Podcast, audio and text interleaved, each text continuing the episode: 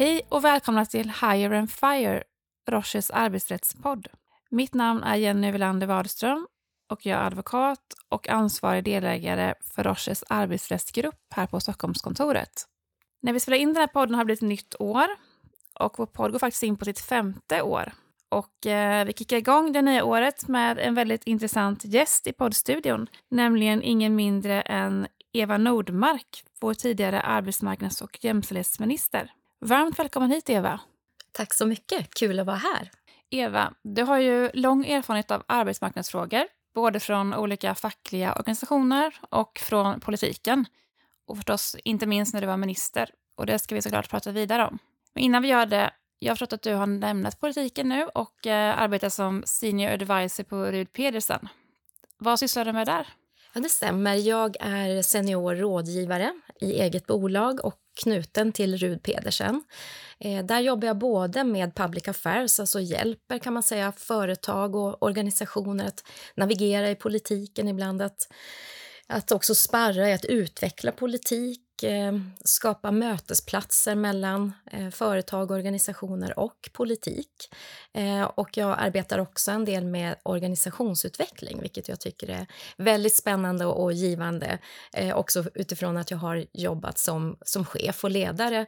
Jobbar mycket med förnyelse och förändringsarbete också genom mina år. Så att nu har jag en fin mix, tycker jag, både av det som rör public affairs och det politiska hantverket, men också organisationsutveckling.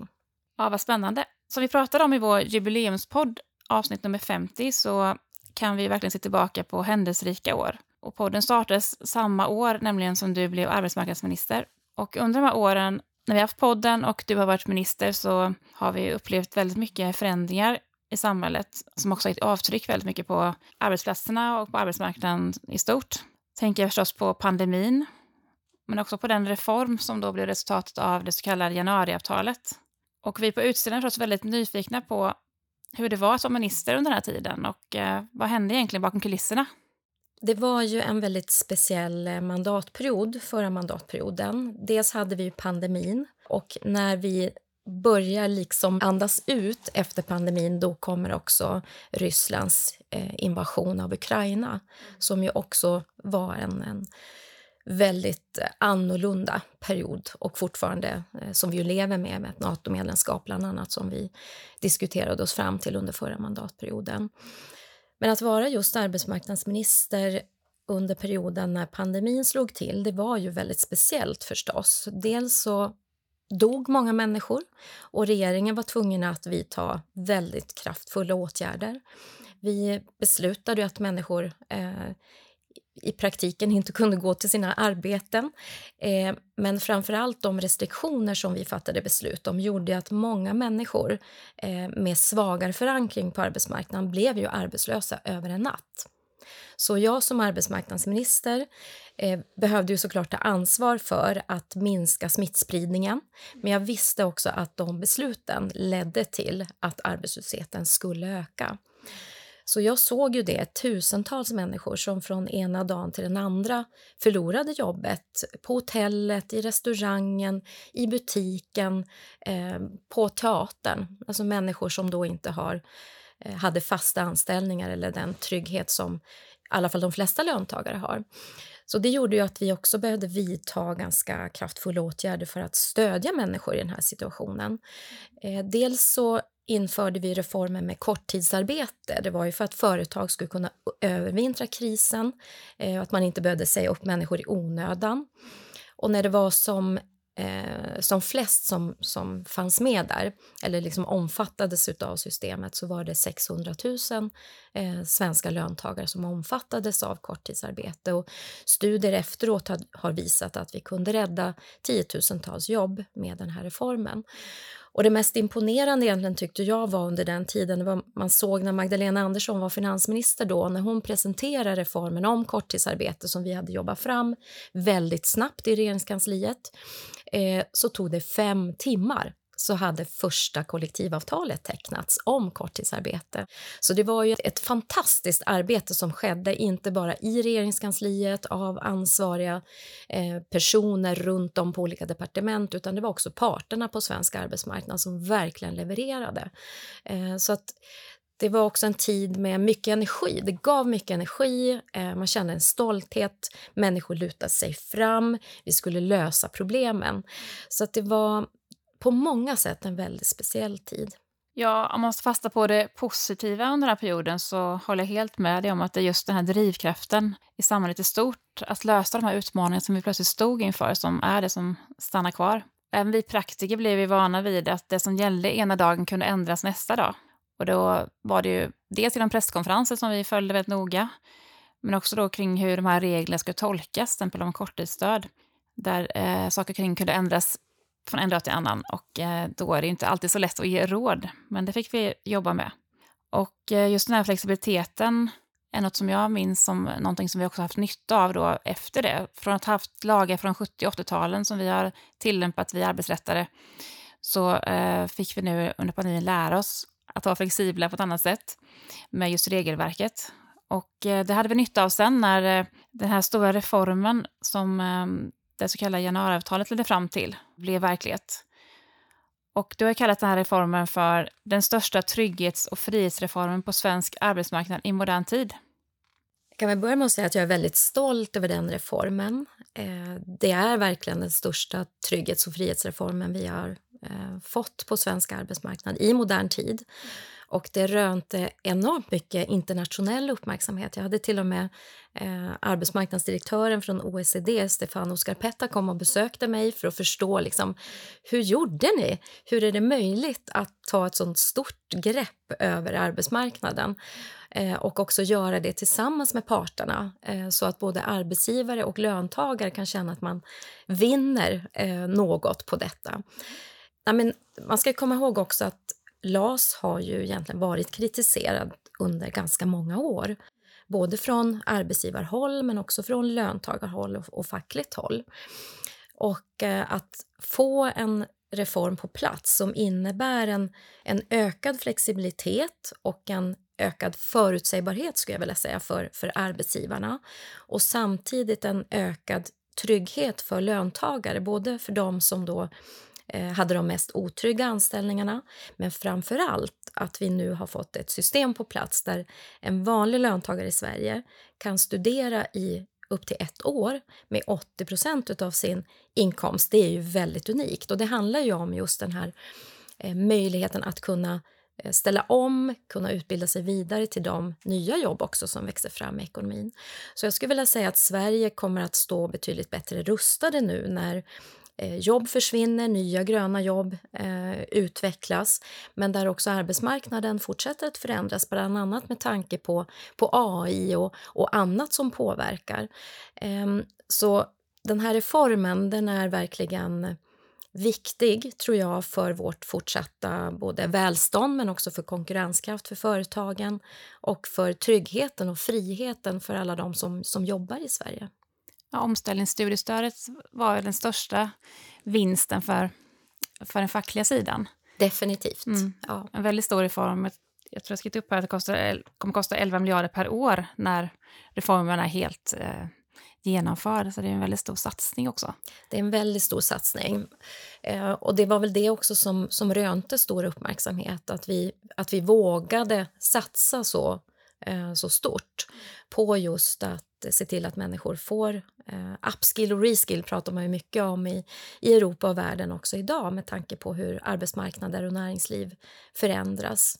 Uh, så att jag tror att det här, är, det här är något vi bara har sett början på. Och det jag är också väldigt stolt över det är ju att vi, vi hade i, i princip en, en helt eh, enig riksdag kring det här. Att alla partier Eh, slöt upp bakom den här stora reformen och att vi har gjort det tillsammans mellan politiken och parterna på svensk arbetsmarknad. Det, det innebär ju också att vi kan skapa en större långsiktighet i det här. Eh, och jag skulle säga att för, för Sverige är det viktigt att vi har långsiktighet och stabilitet, att man vet vilka spelregler eh, som gäller.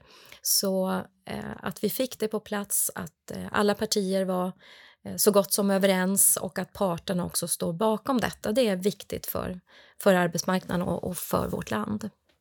Och det har varit ett enormt söktryck på just omställningsstudiestödet, för det är ju ett generöst stöd. Man, man kan få upp 80% av sin lön upp till en ganska hög nivå. Eh, särskilt om man är på företag som har kollektivavtal. Jag läste här att eh, för våren 2023 kom det in 23 548 ansökningar och eh, hösten 2023 24 354. Så otroligt många. Och eh, runt så 3 000 har beviljats för de här två perioderna. Så det har varit väldigt stort intresse. Det är ett jättetryck. Alltså. Mm. Och det visar att det finns också en vilja att eh, fylla på med ny kunskap och kompetens, att utveckla sig i arbetslivet. Sen ska jag säga också att det har varit en del kan man säga barnsjukdomar kanske, att eh, CSN inte har hunnit med på det sättet. Och, och så jag, tror, jag tror att eh, eh, Eh, det kommer att bli ännu mer effektivt allt eftersom vi, vi lär oss och resurser finns på plats och så. Men det är häftigt att se den viljan och den önskan att fortsätta utveckla sig vidare. Men också lagstiftningsprocessen för hur de här nya reglerna blev till var ju lite speciell i och med att det var parterna på arbetsmarknaden som förhandlade fram en produkt som sen blev lagstiftning. Och eh, jag tror att det är du som nämnde det här att politiken och arbetsmarknadens parter krokade arm. Och faktum är också att genom de här nya reglerna så har det ju byggts in ännu fler fördelar med att ha kollektivavtal. Till exempel vad gäller just ersättningsnivåerna för de som får omställningsstudiestöd där de som är på en arbetsplats som har kollektivavtal kan få en högre ersättning än de som är på en arbetsplats utan kollektivavtal. Det vill säga man vill göra det ännu mer attraktivt att arbeta på en arbetsplats som har kollektivavtal. Men samtidigt har vi ju nu sett eh, det senaste halvåret en debatt mot bakgrund av Tesla-konflikten bland annat. Och framförallt då kring sympatiåtgärderna, där det ifrågasätts om den svenska modellen verkligen innebär att alla företag måste ha kollektivavtal. Absolut. Nej, men det, är ju, det här är väldigt spännande och, och dagsaktuella frågor också. Och, och, min syn, och egentligen som ett väldigt kort svar på din fråga måste alla företag ha kollektivavtal? Då är ju svaret nej. Alla företag måste inte ha kollektivavtal. Samtidigt är det ju viktigt att komma ihåg att vår modell den bygger på att vi har starka ansvarstagande parter och vi reglerar villkoren på arbetsmarknaden med kollektivavtal. Det finns ju inget i lagen som säger att du har rätt att löneförhandla varje år till exempel utan löneökningar som löntagare i Sverige får det är ju tack vare kollektivavtal. Och jag tror man ska se det så här att eh, jag vet ju till exempel, har ju under många år följt eh, bland annat då hur det ser ut med löner och villkor för de företag som inte har kollektivavtal. Då kan man säga att nej, men det ser rätt bra ut. Det är inte så att det är någon kris och katastrof alls. Däremot om det kommer in eh, stora aktörer på svensk arbetsmarknad eh, som riskerar att konkurrera på oschyssta villkor, alltså man konkurrerar med sämre löner, sämre villkor. Det är klart att det är dåligt för alla. Och i förlängningen så innebär ju det att eh, om fler och fler företag, alltså företag som är stora och som kan eh, konkurrera med sämre villkor, så kommer det innebära att politiken kliver in. Eh, och då får vi lagstiftning istället. Så det valet står egentligen mellan, ska vi ha en modell som bygger på kollektivavtal eller ska vi ha en modell som går mer mot lagstiftning? Och för mig som har varit eh, på den fackliga sidan i många år och också suttit i Europafackets styrelse men också som arbetsmarknadsminister och mött många andra ministrar runt om, inte minst i Europa, så ska jag säga att det är ingen modell som är eh, eftersträvansvärd.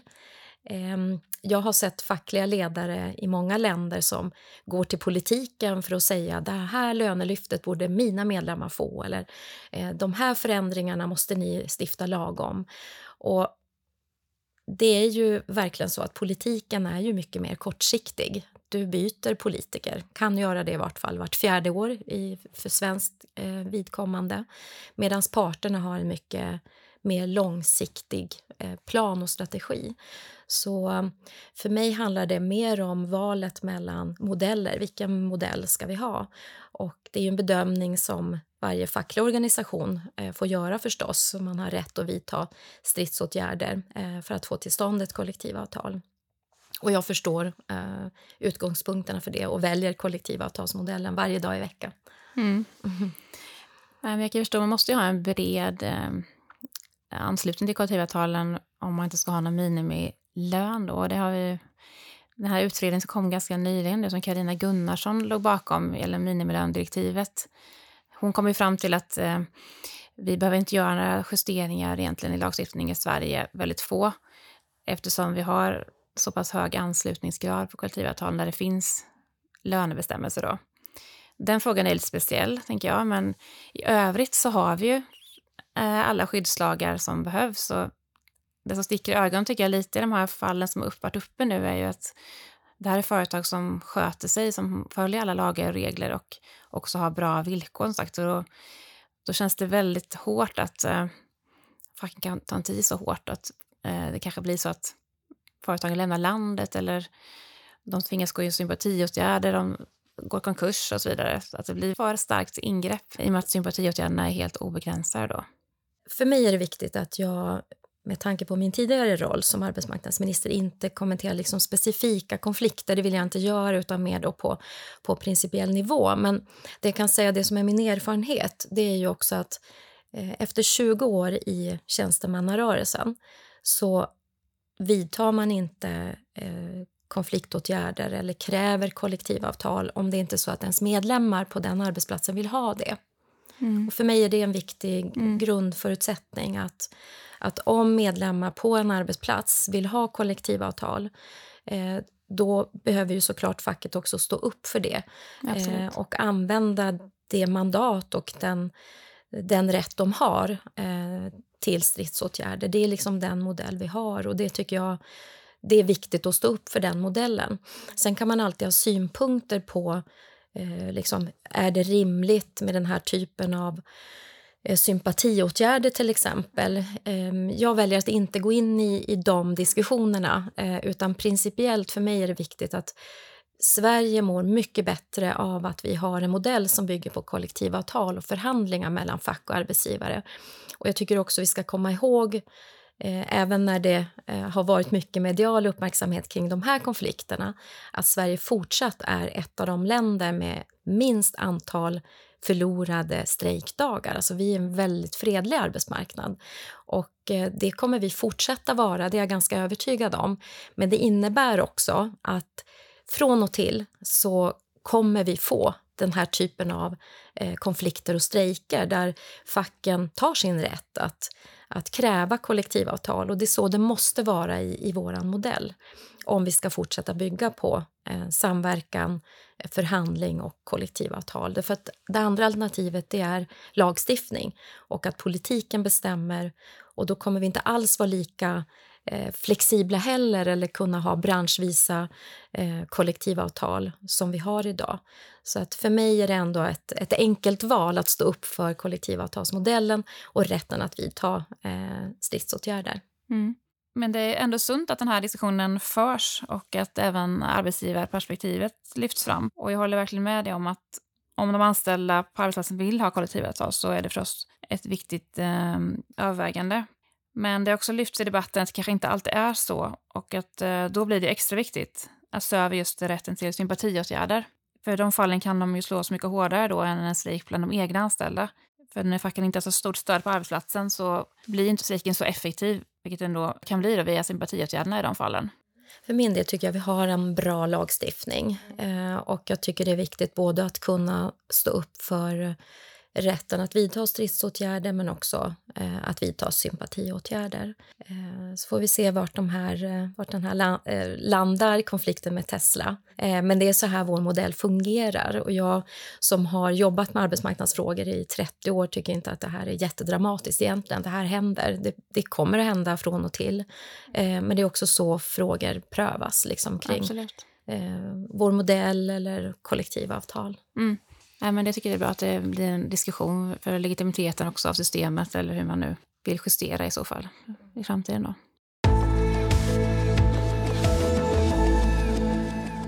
Men om vi tittar lite framåt då, Eva, vad tror du kommer bli nästa stora fråga på arbetsmarknaden eller inom arbetsrätten? Har du någon spaning?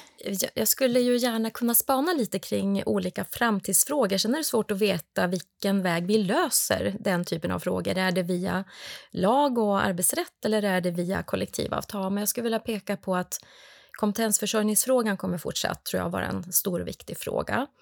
Att många företag eh, har problem att hitta rätt kompetens samtidigt som många människor vill utvecklas i arbetslivet. Jag tror att vi kommer fortsatt se en utveckling inom det området. Det är helt nödvändigt, inte minst för att till exempel få fler människor att flytta upp till norra Sverige där tiotusentals nya jobb skapas i detta nu. Så jag tror att det är ett viktigt område. Ett annat område är arbetsmiljön.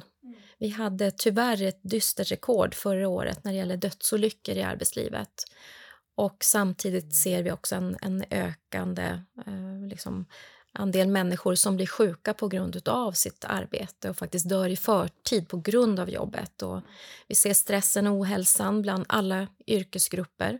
Eh, och det här är någonting som jag har bekymrat mig väldigt mycket över och la fram en en ny arbetsmiljöstrategi under förra mandatperioden som handlar mycket om att jobba mer med det förebyggande arbetet och företagshälsovårdens viktiga roll till exempel. För ofta kommer den in när det är för sent, när man redan har fått eh, liksom, utmattningssymptom eller man har fått eh, andra typer av problem eh, som härrör från, från arbetsmiljön.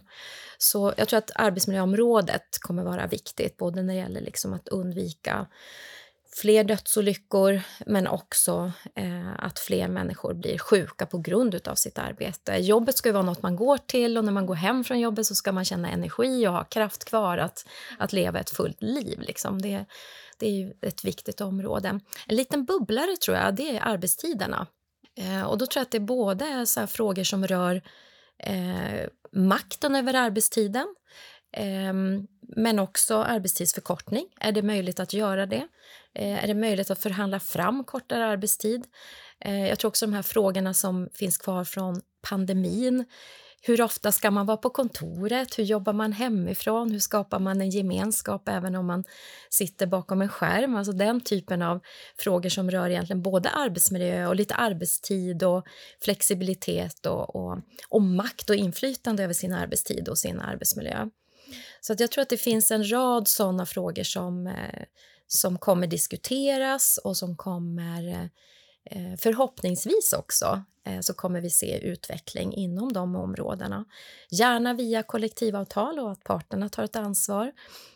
Men möjligen också en del ny lagstiftning på, på vissa av de här områdena. Så det ska bli väldigt spännande att Eh, att, följa det. Ja, jag håller helt med dig om att det här är viktiga frågor för framtiden och bra tips också för ämnen att ta upp i podden. Men det är också frågor där vi kan bygga vidare på de reformer som har satts igång och eh, där vi kan lära oss också av det vi har varit igenom nu inom de kriser som vi ändå har sett de senaste åren. Kris ger utveckling som man brukar säga så att vi har nog lärt oss eh, väldigt mycket under de här åren. Mm. Det har du helt rätt i. Väldigt roligt att ha dig här, Eva. Stort tack för att du tog dig tid att vara med i podden. Tack, jättekul att få vara med, verkligen. Och med de orden avslutar vi dagens avsnitt av Hire and Fire där vi både blickat framåt och bakåt. Och vi kan konstatera att det händer mycket spännande på arbetsmarknaden. Har ni kommentarer eller önskemål om framtida ämnen så är ni varmt välkomna att höra av er. Kontaktuppgifter till mig, Jenny Welander Wahlström, hittar ni på roscher.com. Ett stort tack till dig, Eva, som varit med idag. Tack ska du ha. Och tack också till er som har lyssnat. Hej då!